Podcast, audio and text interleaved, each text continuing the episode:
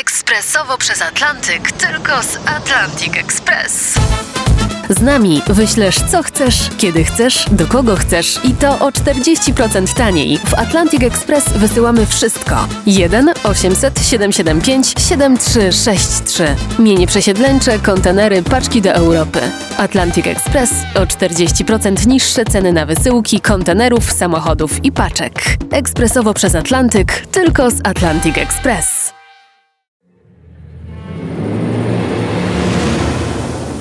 Misja specjalna w RMFFM.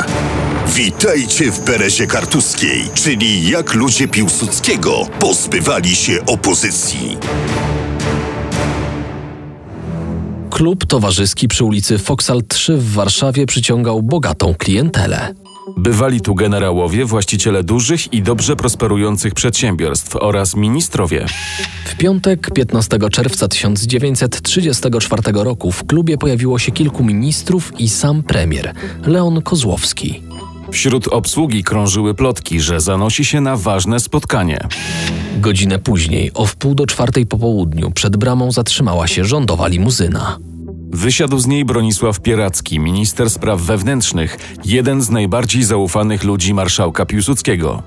Minister szybkim krokiem ruszył w kierunku kamienicy. Spieszył się i nie zwrócił uwagi na młodego człowieka, który wyminął stojący przy krawężniku samochód i pospieszył za Pierackim. W pewnej chwili wyjął z kieszeni rewolwer. W sieni bramy rozległy się trzy strzały. Pieracki, trafiony w tył głowy dwoma pociskami, przewrócił się na ziemię. Młody człowiek, w którym po latach historycy rozpoznali ukraińskiego nacjonalistę Chrychorija Maciejkę, uciekł. Nigdy go nie złapano. Później mówiono, że przeszedł przez zieloną granicę do Czechosłowacji, a stamtąd sobie tylko znanymi drogami umknął do Argentyny, gdzie żył do śmierci pod zmienionym nazwiskiem. A co się działo z ministrem? Minister Pieracki jeszcze żył. Wezwano pogotowie. Odwiozło Pierackiego do szpitala ujazdowskiego. Trafił na stół operacyjny. Niestety zmarł. Nikt wówczas w Warszawie nie przypuszczał, jak potężnym echem odbiją się w polskiej polityce te trzy wystrzały. Oburzenie społeczne było nadspodziewanie wysokie, o czym może świadczyć stutysięczny tłum na manifestacji zorganizowanej w stolicy dwa dni po zamachu. Przestraszony zamachem, a jednocześnie zdeterminowany do działania premier Kozłowski zdawał sobie sprawę z oburzenia społecznego i postanowił je wykorzystać. Ale w sanacyjnym systemie rządów każda inicjatywa musiała uzyskać zgodę marszałka. Kilka godzin po śmierci Pierackiego Kozłowski pofatygował się do Belwederu na umówioną godzinę i wyłuszczył Piłsudskiemu pomysł, który chodził mu po głowie. A gdyby tak, panie marszałku, zorganizować obóz dla tych łobuzów, nazwijmy go eufemistycznie miejscem odosobnienia. Najpierw jeden, ale kiedy będziemy potrzebowali więcej, to znajdziemy miejsce na kolejne. Ale Piłsudskiemu nie przypadł do gustu pomysł premiera. Kozłowski jednak naciskał, tłumaczył i perswadował. Wreszcie osiągnął cel. Marszałek się zgodził, postawił jednak warunek. Obóz będzie działał tylko przez rok i ani dnia dłużej. Wychodząc od marszałka z Belwederu, premier miał już gotową wizję tych obozów. Miejsca odosobnienia. Nie trzeba tego chyba ukrywać. Będą miały regulamin bardzo ciężki i surowy i nie będą niczym innym, jak tylko narzędziem surowej i karzącej ręki państwa. Znajdą się w nich te wszystkie jednostki, których zachowanie się zagraża bezpieczeństwu publicznemu. Premier, rząd i prezydent działali błyskawicznie. Już dwa dni po zamachu, a dzień przed pogrzebem Pierackiego, ukazało się, Rozporządzenie prezydenta Rzeczypospolitej w sprawie osób zagrażających bezpieczeństwu, spokojowi i porządkowi publicznemu. Kogo dotyczyło? wszystkich przeciwników sanacji, bez wyjątku. Najwięcej kontrowersji i oburzenia wywołał fakt, że można było trafić za bramę obozu nie za sprawą wyroku sądu, lecz decyzji administracyjnej. Stworzyliście paradoksalnie sytuację, w której ludzie oskarżeni o morderstwo, o gwałt, o szpiegostwo znajdują się w znakomicie lepszym położeniu niż ludzie podejrzani przez jakiegoś starostę czy komisarza policji.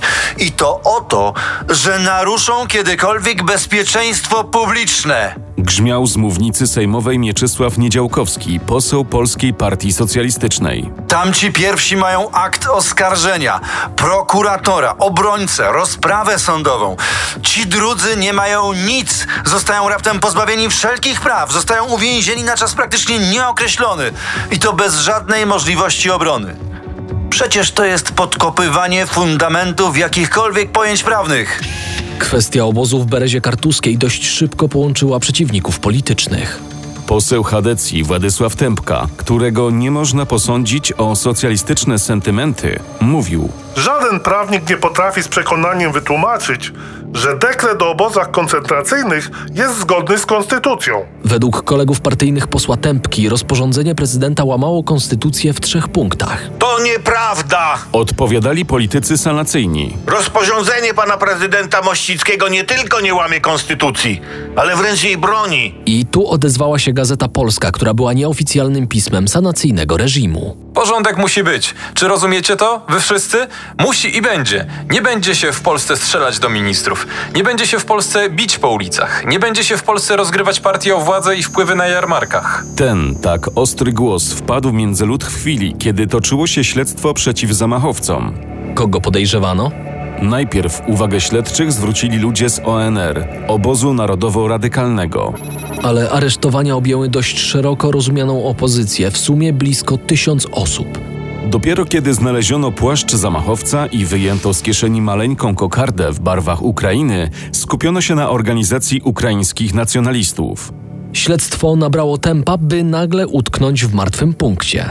A jednak ukraiński terroryzm był wygodnym pretekstem, doskonale skrywającym prawdziwy cel Czyli wyeliminowanie opozycji z życia politycznego. Miejsce na obóz wytypowano natychmiast po rozporządzeniu prezydenta. Bereza Kartuska to niewielkie miasteczko w województwie polskim. Wokół rozpościerały się lasy, bagna i jeziora. Więcej tu było rzek i strumyków niż dróg, stąd wybór. Ucieczka z Berezy wydawała się niemożliwa, a w najlepszym razie niezwykle trudna. Jak pokazała przyszłość, tak było w istocie. Przez pięcioletni okres pracy obozu uciekł tylko jeden więzień. To było w 1938. Taki jeden kryminalista, Władysław Nowak, wybił dziurę w ścianie obok komina, przez ten otwór przeczołgał się do kuchni, wyłamał kratę w oknie, przebiegł przez dziedziniec, przeskoczył drewniany płot, uważając przy tym na drut kolczasty, zeskoczył na ziemię i co? I był wolny. Środki wyjątkowe w postaci obozu odosobnienia zaczęły działać oficjalnie 12 lipca 1934 roku, ale pierwszych więźniów przywieziono kilka dni wcześniej. Dochodziła ósma wieczorem 6 lipca, kiedy samochód więzienny podjechał pod bramę obozu. Spoglądając przez zakratowane okna, dwaj więźniowie, koledzy partyjni Stronnictwa Narodowego z Krakowa, zwrócili uwagę na drewniany parkan zakończony drutem kolczastym. Zaskrzypiała otwierana brama i samochód powoli wtoczył się na teren obozu. Najpierw poprowadzono więźniów do kancelarii. Budynki pamiętały czasy carskiej Rosji. Wznosiły się po dwóch stronach ulicy, której patronem nie wiadomo dlaczego został Tadeusz Kościuszko. Po jednej stronie ulicy, oprócz kancelarii, w której właśnie spisywano personalia skazanych, znalazły się koszary policyjne i domy mieszkalne dla komendanta i kadry podoficerskiej. Po przeciwnej stronie stał budynek więzienia otoczony drutem kolczastym i trzy wieżyczki strażnicze. Oraz łaźnia i karcer. Później więźniowie w ramach tzw. pracy i ćwiczeń gimnastycznych wykopali obok głęboki dół, w którym gromadziła się woda, stąd przylgnęła do niego nazwa sadzawka. Godzinę później w kancelarii odnotowano pojawienie się trzech kolejnych więźniów, tym razem komunistów. Natomiast nocą pojawiło się dziesięciu działaczy obozu narodowo-radykalnego. Odpowiedzialnością za skuteczność działań obozu obarczono wojewodę poleskiego Wacława Kostka-Biernackiego. I trzeba przyznać, odpowiadała mu ta funkcja. Hodował ambicje nauczenia więźniów szacunku do Polski. Jakimi metodami zamierzał to osiągnąć? Przed każdym policjantem musimy frontować, tak jak przed prezydentem, marszałkiem i naczelnym wodzem. To znaczy stanąć na baczność o trzy kroki przed nim, śledzić go wzrokiem i czekać aż się oddali o trzy kroki. Nie wolno nam w Berezie chodzić, lecz zawsze mamy biec. Opowiadał działacz obozu narodowo-radykalnego i więzień Berezy Włodzimierz Sznarbachowski. W swoim krótkowzrocznym zacietrzewieniu wojewoda zapomniał, że szacunku nie można zbudować przez strach i tortury. Jego wysiłki osiągnęły skutek przeciwny od zamierzonego. Pierwszym komendantem obozu był podinspektor Bolesław Grefner. Nie zasiedział się jednak na tym stanowisku, był zbyt brutalny i już w grudniu 1934 roku zmienił go podinspektor Józef Kamala Kurchański. Jednak brutalność nigdy nie przestała być znakiem firmowym Berezy. Więźniów pilnowało około 100 policjantów. Ta liczba nie była stała. Zdarzało się, że personel więzienny sięgał 300 ludzi. Przez trzy pierwsze lata pracy obozu zamykano tu tylko więźniów politycznych. Natomiast w drugiej połowie 1937 roku przywieziono pierwszych kryminalistów. Znalazło się również miejsce dla oskarżonych o przestępstwa gospodarcze. W efekcie liczba zatrzymanych szybko rosła. Wiosną 1938 roku osiągnęła najwyższy stan 800 osób. W tej licznej grupie tylko kryminaliści korzystali z pewnych prerogatyw. Między innymi prowadzili zajęcia z gimnastyki obowiązkowej dla więźniów politycznych. Praktyka pokazała, że pełnili rolę nadzorców więźniów politycznych, z którymi postępowali nad wyraz brutalnie. Więźniów upychano w celach o wymiarach 10 na 12 metrów. Zdarzało się, że w jednej celi trzymano 30 skazanych. O zachowaniu pozorów intymności nie mogło być mowy. Warunki higieniczne panujące w obozie były skrajnie trudne. Mówił Stanisław Cat-Mackiewicz, pisarz i publicysta, przeciwnik sanacji, a przy tym więzień Berezy. Poranne mycie odbywało się w umywalniach, które łącznie miały 80 miejsc. W rezultacie część z więźniów w ogóle nie miała okazji zamoczyć rąk. Wizytę w ubikacji policjanci wykorzystywali jako pretekst do znęcania się. Tylko jeden raz w dzień o godzinie 4.15 rano ustawiano więźniów i komenderowano. Raz, dwa, trzy, trzy i pół, cztery. W ciągu półtorej sekundy wszystko miało być skończone. A potem było śniadanie. Z rana otrzymuje się całodzienną rację czarnego, gliniastego chleba i niekiedy kostkę białego sera. Menażkę żuru z pływającymi w nim kilkoma skwarkami przysmażonej słoniny, czasami kawę zbożową. Na obiad i kolację zupa i kasza lub kartofle, niekiedy symboliczny kawałek mięsa. Dzień oprócz pór posiłku wypełniały sprzątanie, apele, praca, ćwiczenia, a wszystko w akompaniamencie gwizdków, krzyku policjantów i nadzorców kryminalnych oraz pod uderzeniami pałek i knutów. Od 19.15 obowiązywała cisza nocna. Zabroniono rozmów i palenia tytoniu. Do Berezy nie dochodziły paczki od rodzin, które zresztą nie mogły odwiedzać więźniów. Pewien dziennikarz, który pojawił się przy obozie i mógł obserwować dzień z życia więźniów, zapisał: Jak długo trwa praca w ciągu dnia? Nie wiem. Mogę tylko powiedzieć, że partia, którą rano spotkałem na robocie przy szosie, pracowała jeszcze o godzinie siódmej wieczorem. W liście cudem przemyconym z obozu pisano: Więźniom daje się pracę nieproduktywną, najbardziej wyczerpującą siły ludzkie. Często zmusza się do kopania dołów przy pomocy patyczka albo nawet palcami. Początkowo praca trwała 10 godzin dziennie, potem dopiero na skutek skrócenia się dnia i obawy ucieczki więźniów w polu 8 godzin. W czasie półtorej godzinnej przerwy obiadowej trzeba było nieustannie biegać na zbiórki, a w pozostałych godzinach od czwartej rano trzeba biegać galopem i wykonywać bardzo męczące ćwiczenia gimnastyczne. Obozowe życie osadzonych było pełne przemocy, tortur psychicznych i fizycznych i wszelkiego rodzaju szykan. Zaczynały się już pierwszego dnia, zaraz po przekroczeniu bramy. Aresztowani biegną między zasiekami z drutu kolczastego. Relacjonował swój pobyt w Berezie Aleksander Hawryluk, ukraiński pisarz i komunista.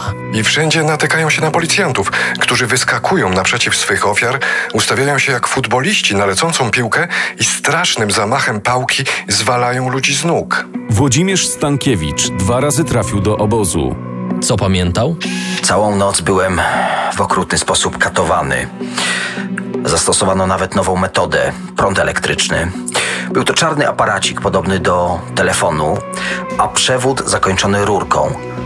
Rozebrano mnie do naga i włączono ten aparat. Rurkę prowadzono po kręgosłupie, także cały zostałem pokręcony. Później musieli siłą mnie wyprostowywać. Stankiewicz mógłby też wiele opowiedzieć o zwolnieniu z Berezy. Tę szczęśliwą dla Stankiewicza decyzję podjął minister spraw wewnętrznych, oczywiście na wniosek komendanta obozu. W porze obiadu wolny nareszcie Stankiewicz odebrał z depozytu swoje rzeczy. Za bramę wyszedł w eskorcie policjantów, którzy odprowadzili go na dworzec kolejowy i kupili mu bilet. Kiedy Stankiewicz wrócił do domu, mógł na nowo zacząć przerwane życie, odkopać stare znajomości i sprawy, a wszystko pod czujnym okiem szpicli policji. Kartoteka Stankiewicza rosła wypełniana donosami i raportami. Dlatego, kiedy tylko Stankiewicz wrócił do starej praktyki opozycjonisty, zapukało do drzwi jego mieszkania dwóch policjantów. Następnego dnia był z powrotem w Berezie. Dla takich jak on, nieposkromionych wrogów systemu sanacyjnego, czekał karcer. Mały budynek o czterech izbach, bez okien, umywalki i toalety. Pod ścianą stało wiadro. Wiadomo po co. Brakowało pryczy. Więzień spał na betonie polewanym wodą i co dwie godziny musiał meldować się pilnującemu go policjantowi bez względu na porę. Jedzenie i tak liche było w karcerze zmniejszone o połowę. Skąd tak brutalne podejście do osadzonych? Stąd, że podstawowym celem Berezy była nie żadna mityczna resocjalizacja, lecz psychiczne i fizyczne wycieńczenie więźnia. Z racji tej brutalności, część historyków zajmujących się Rzeczpospolitą sanacyjną, nie owijając w bawełnę, mówi wprost o obozie koncentracyjnym. To była ciemna strona ówczesnej Polski i chwały jej to nie przyniosło, ale nadużyciem jest porównanie do nazistowskich obozów koncentracyjnych. Uważa profesor Tomasz Nałęcz. Uparcie bronił obozu premier Felicjan Sławoj Składkowski. Bereza była niepopularnym i przykrym, lecz pożytecznym narzędziem ochrony całości i spoistości państwa. Unikaliśmy w ten sposób mnóstwa procesów politycznych, które nie pomagały, a raczej szkodziły Polsce. Kiedy w 1934 zakładano obóz, marszałek Piłsudski zastrzegł, że może funkcjonować tylko rok. Zanim jednak ten rok minął, marszałek umarł. Politycy reżimu sanacyjnego uznali, że straszak na opozycję sprawdza się znakomicie i postanowili brnąć dalej w to bagno, dosłownie i w przenośni, zważywszy na okolice, w jakiej znajdował się obóz. W rezultacie tej decyzji Bereza pracowała dla chwały Rzeczpospolitej do 17 września 1939 roku. Nocą nadeszły niepokojące informacje o zbliżających się czołgach Armii Czerwonej. Komendant i policjanci uciekli. Więźniowie wyszli przez główną bramę już za dnia. Tak zakończyła się historia obozu w Berezie Kartuskiej. Lecz burza wokół Berezy trwała nadal. W czerwcu 1940 roku rząd Władysława Sikorskiego utworzył komisję, która zajęła się zbadaniem działalności obozu. Prowadzono przesłuchania i rozmowy, zbierano zeznania i relacje. Wreszcie po roku żmudnej pracy rząd emigracyjny uchylił dekret prezydenta Mościckiego z czerwca 1934 roku. Obóz w Berezie Kartuskiej istniał 5 lat. Przyjął około 3000 ludzi, głównie przeciwników politycznych sanacji, komunistów, endeków, ludowców i nacjonalistów ukraińskich. Ilu zmarło? To jedna z zagadek obozu odosobnienia w Berezie Kartuskiej. Misja specjalna w RMFFM. Na tropie największych tajemnic historii.